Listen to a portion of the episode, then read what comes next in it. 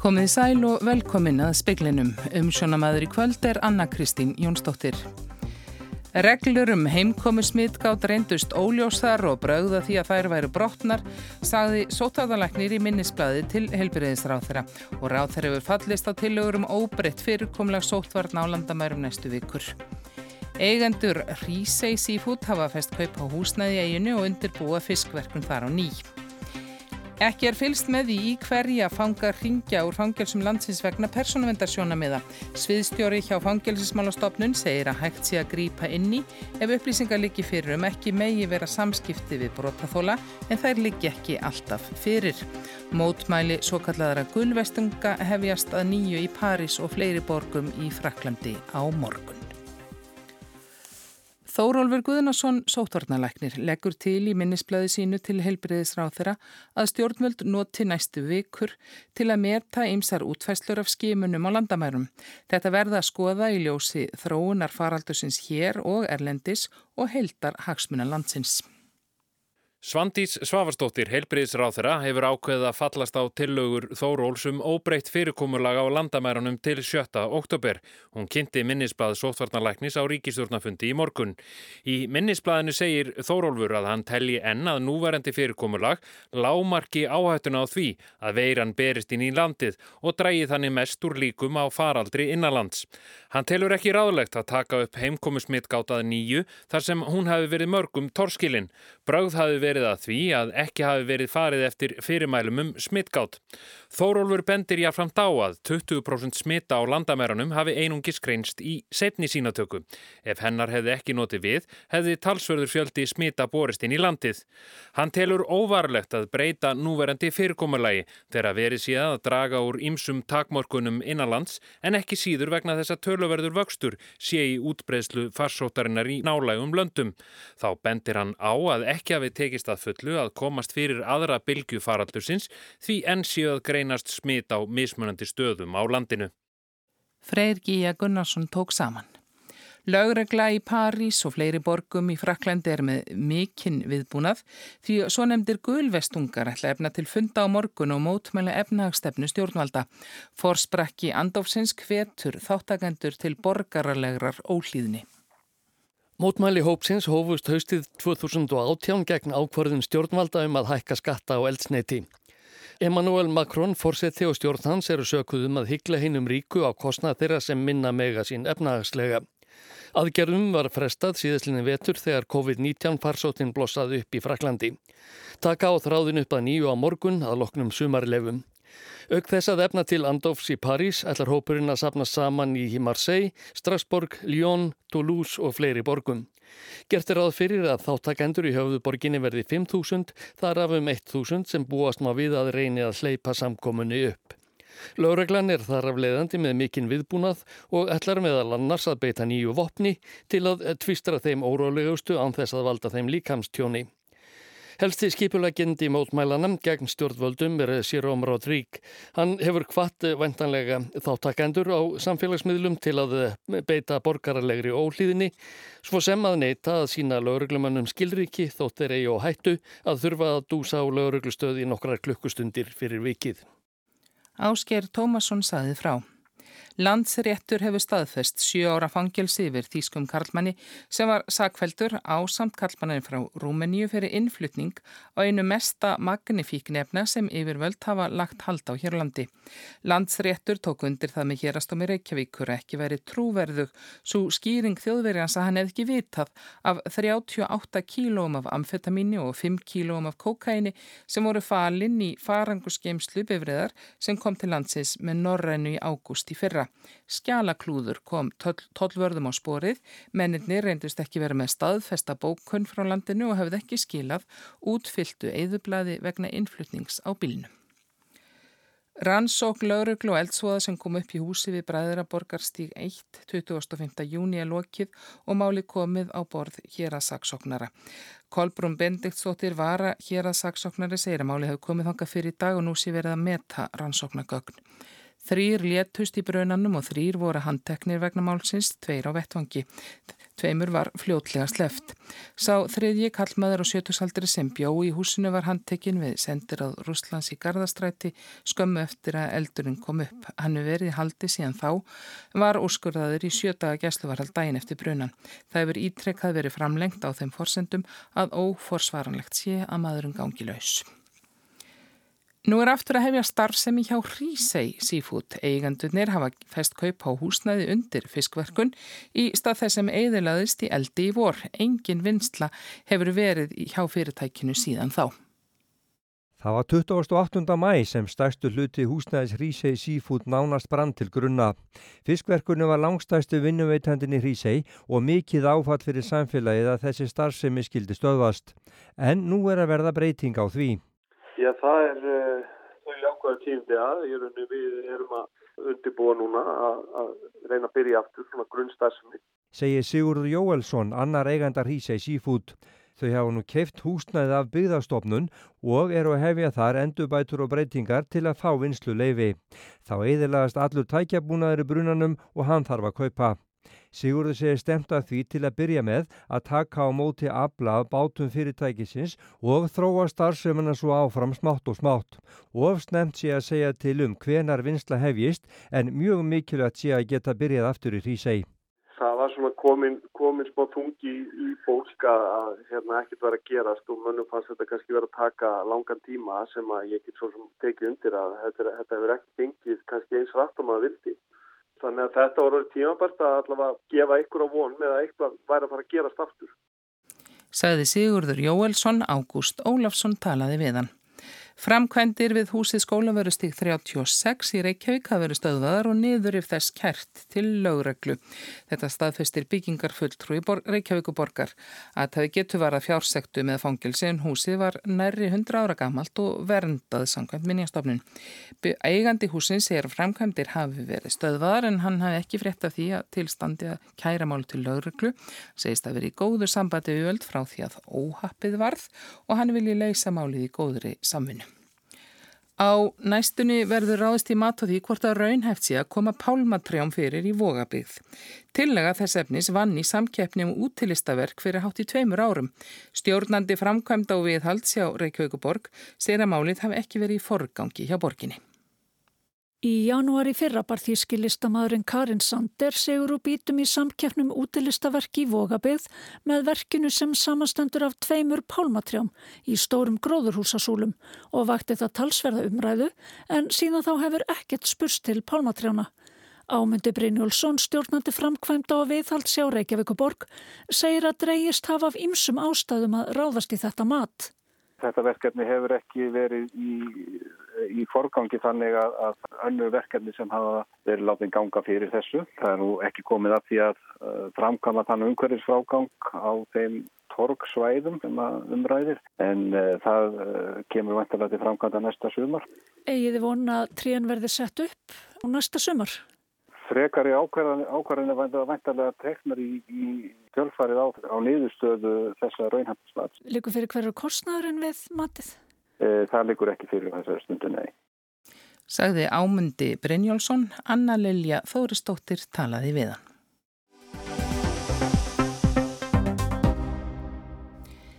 Viðtal í sjónvarpsfréttum og kastljósi í gerkvöld við Kamilu Ívarstóttur sem var fyrir stórfeldri líkamsárás af hálfu þáverandi kærastísins í fyrra vekur upp ímsa spurningar um hvað hægt sé að gera til að koma í veg fyrir endurtekin brot ofbeldismanna.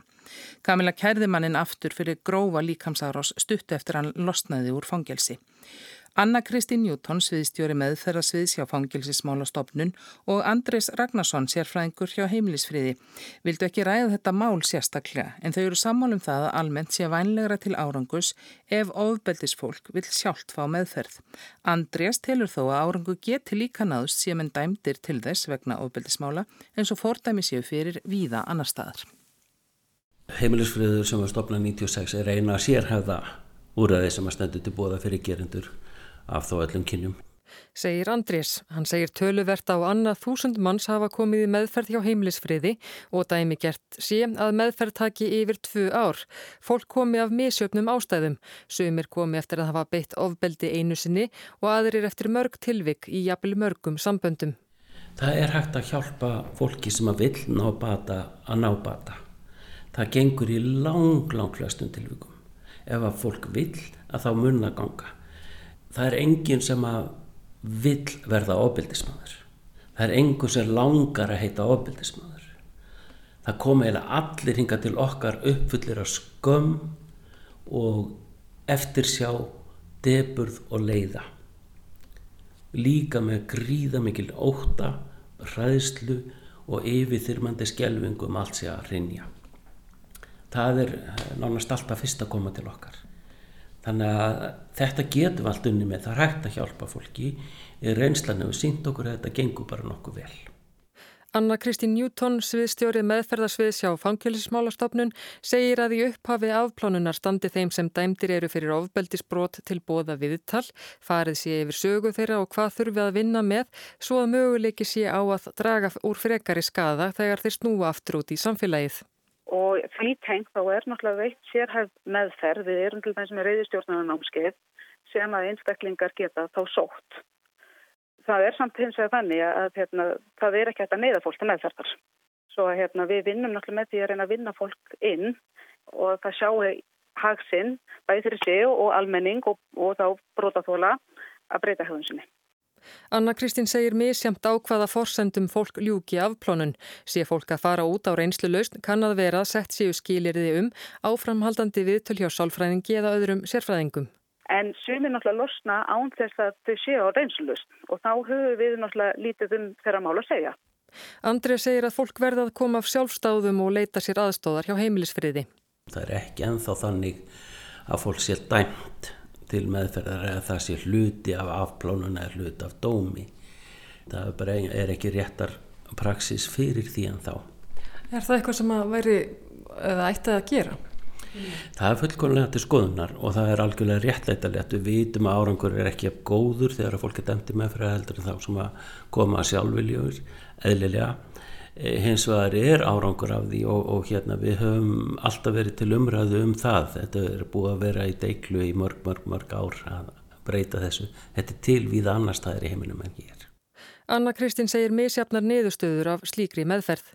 Ég held að við flest sem að vinnum með fólki að við viljum alltaf helst að þau sjáu hagsin í því að vera þáttakandur í sinni meðferð. Ég held að það hérna, er alltaf það vænleira til árangur til lengri tíma litið. Svo að hérna, þó svo að það séu til úræði þar sem að fólk hefur verið til meðferðar, þá er árangurinn yfirleitt minni heldur en það sem að fólk er, er sjálfvillig tóttækandur. En það er náttúrulega mjög mikilvægt að reyna að mótivera fólk til þess að taka þátt. Hvernig það, það gert? Það er náttúrulega bara í raun og verið bara í gegnum samtalsmeðferð fyrst og fremst. Og hérna það tekur náttúrulega svolítið oft tíma að ná til fólks og, og sjá, sín, þau hjálpa þeim að sjá það að það sé öllum í haga að breytt viðhorf leiði til betra lífs og minni skafa. Andrið segir að ímislegt taki við eftir afplánun eins og vernd en hægt sé að gera betur. Auka þurfi vitund, sérstaklega hjá yngsta hópnum sem er á aldrinum 15 til 25 ára. Úræðið sjúk ástávegum stígamóta sé hluti af þeirri fínu vitundarvakningu sem hafi verið í gangi en þörf sé á miklu meiru. Margar vísmendingar sé um að ofbeldi sé að verða grófara hjá æg yngri hópi. Og það eru þetta óskaplegt áhugjefni. Er eitthvað sem skýrir það? Hvað, hvað veldur þessari þróun? Nem, ég veit ekki til þess að menn hafi náð utanum það með einhverjum helstaðum rannsóknum en vísbendingan það benda til að það snúist meðal annars um, um hérna aukna netnótkun, ákveðna fyrringu, ákveðin einmannaleik, skort á tengslum að því að fólk er bara mikið í, í öðruvísi eh, samskiptum heldur en eh, persónulegum. Anna Kristín segir að það erði til bóta ef fleiri úræði væri til staðar eftir að afplánun líkur. Það vant að bæði meðan að fólk kannski er í afplánun að undirbúa hvernig best er hægt að mæta þeirra þörfum svo þeir valdi ekki öðrum frekar í skada þegar út er komið og klárlega væri fleiri úrræði og fleiri tækifæri eitthvað sem að væri mjög þarft að hafa aðgengi að fyrir þennan hóp. Í máli Kamilu Ívarstóttur sem fjallað var um í gærvakti aðtikli að ofbeldismadurinn ringdi hann oftar en hundrað sinnum úr fangilsi. Anna Kristín segir að samkvæmt persónuvendarlögum megi ekki hafa eftirlit með því í hverja fangar ringi en reynd sér að girða fyrir að haft sér samband við brotaþóla ef framkoma upplýsingar um að ekki eigi að vera samskipti. Þeim upplýsingum verði að koma á framfæri og það sé persónubundið hvaða upplýsingar fylgi hverjum og einum. En að sjálfsögðins ég segi, ef við fáum upplýsingar um það að þá getum við náttúrulega grepið inn í slík mál. En þá þarf svolítið að, að liggja fyrir þá að það sé hérna, óskað eftir því að það sé eitthvað gert í málunni. Já, og það er þá þólandi sem gerir það eða... Eða réttigeslu maður eða, eða einhver annar sem að hérna við kemur. En við, hérna, ef, ef ert að spurja því hvort við vitum hverjir uh, einstaklingar í áfláninu ringi þá er, þá er svarið svona öllu jöfnu, nei við, við fylgjum því ekki eftir. Við höfum hérna, ekki heimildið til þess sagði Anna-Kristi Newton, Ásurún Brynja Yngvarsdóttir tók saman.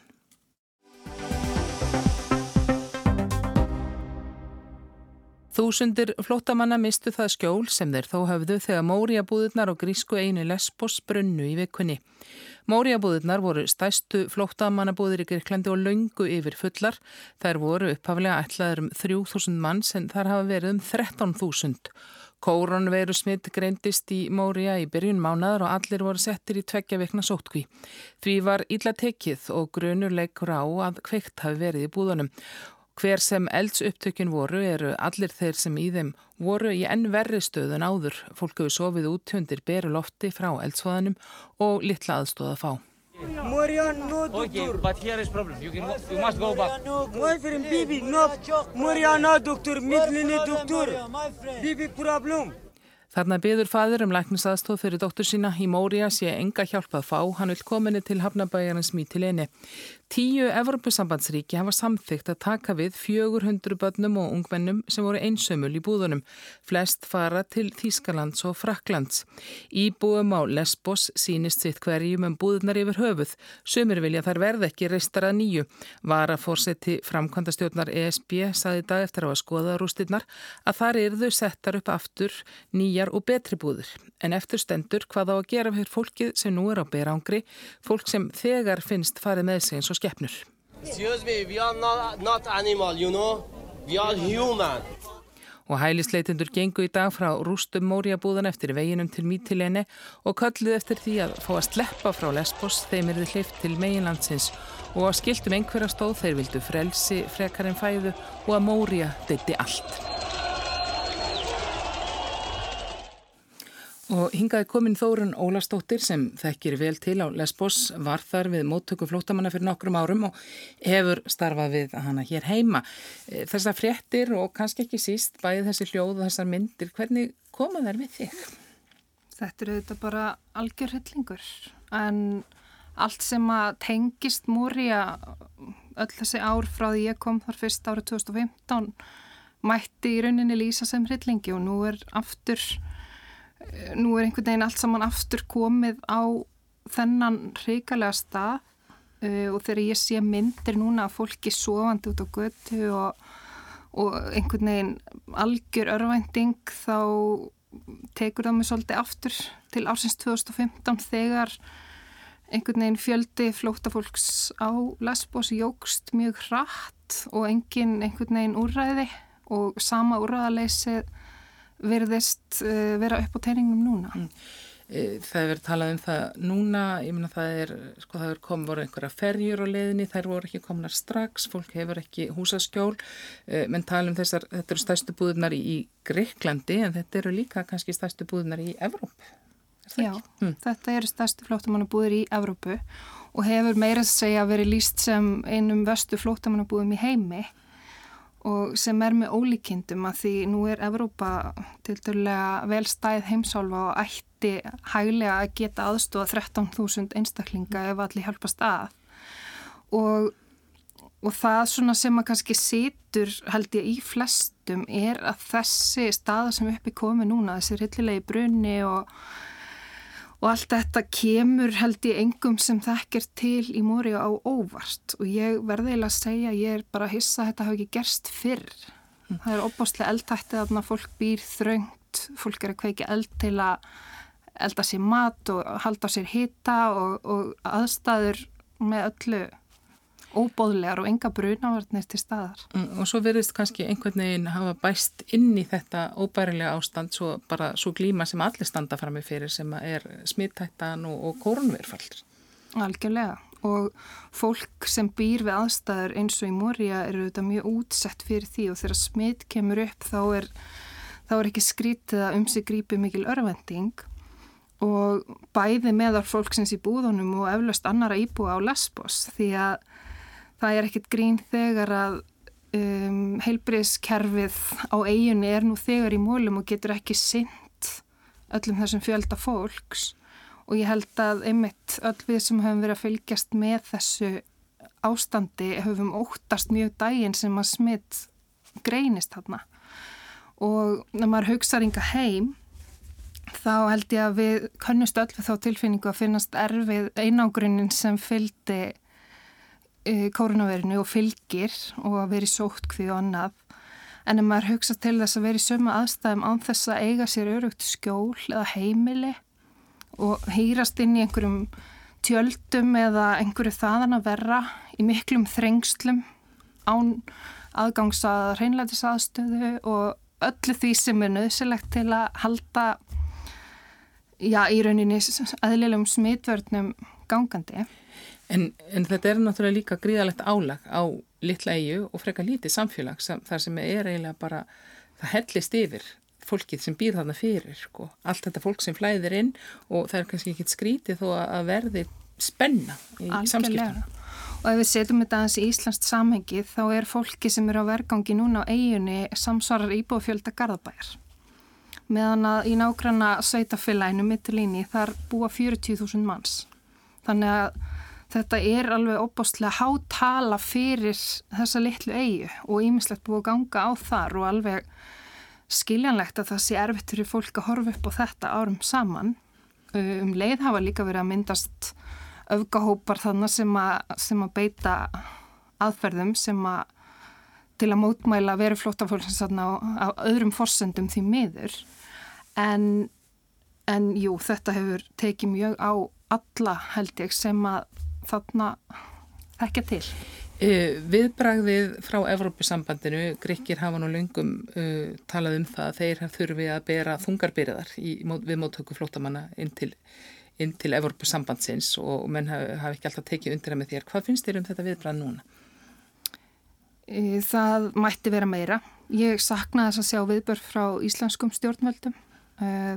Við erum vel í stakk búin til að taka múti hópi fólks úr Moria með stuttum fyrirvara og ég held að flest ríkisun í vestur Európu séu það og það að þetta sé ekki leist á einu bretti er í rauninni bara pólitík og pólitísk ákverðunum að gera ekki neitt.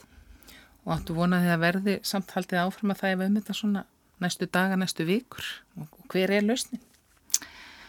Lausnin er auðvitað samvinna og mannúð en hvort að hún er til staðar, fólkið þarna getur ekki beðið endalust, matarlust án húsaskjóls og, og hérna allslaust þannig að lausnin þarf að koma sem fyrst og hún er til en hvort að pólitíkin hefur hugsað sér að að í rauninni nýta þær lausnir sem liggja nú þegar á borðinu. Það er, það er ekki gott að segja. En á meðan hýrist fólk við erfið og um, bara ömurlega vist þarna á henni og við vonum, vonum að það verði sem stýst. Takk að kella fyrir komina Þórun Ólastóttir. Takk.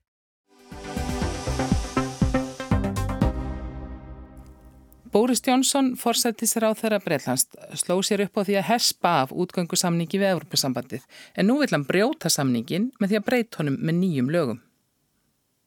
Það er orðin viðtekinn venja að stjórnmálumenn veiti loðin svör líka við skýrum spurningum. Það kom því og óvart á þriðu dæn var þegar Brandon Lewis, Norður Írlands ráðherra, svaraði stuttri og einfaldri fyrir spurt flokksbróður síns Ben Neil með stutt og einföldu svari. Yes, this does break international law in a very specific and limited way. Já, þetta brítur alþjóðalög á mjög sértækan og takmarkaðan hátt, sagði ráðherran. Níl sem er sjálfur lögfræðingur gafti, sama gerðu fleiri. Það gerist ekki á hverjum degi að ríkistjórn viðurkenni að hún sé meðvitað að brjóta lög. Ráðherran sæði reyndar fordæmi fyrir svona lögbróti, gaggrinendur frumvarpsins og þeir eru ófáir, telja fordæmið allsenga hliðstæðu. En um hvað snýst þá frumvarpið sem ráðherran viðurkennir að brjóti lög? Í útgöngusamningi sínu við Evrópusambandið reyndi Theresa May fyrir um fórsætsráðherra að tryggja Írska friðarsamningin frá 1998, tryggja opin landamæri Norður Írlands og Írlands með þrautavarasamningi, svo kalluðu backstop, ef ekki tækist að gera viðskiptasamning í framhaldinu. Breska þingið hafnaði samningi mei. Boris Johnson samti við ESB um annað fyrirkomulag þannig að Norður Írland fylgdi öðrum reglum en afgangurinn af Breitlandi, það er ESB-reglum. Í raun landamæri um hafið millir Norður Írlands og Breitlandsegja Fyrirkomulag sem Theresa May hafi áður sagt að engin breskur fósætsráðara gæti nokkru sinni samþegt að því þar með væri ríkið klófið. Samningurinn var einn skrautfjöðrin í Hatti Johnson fyrir desemberkostningarnar sem hann vann.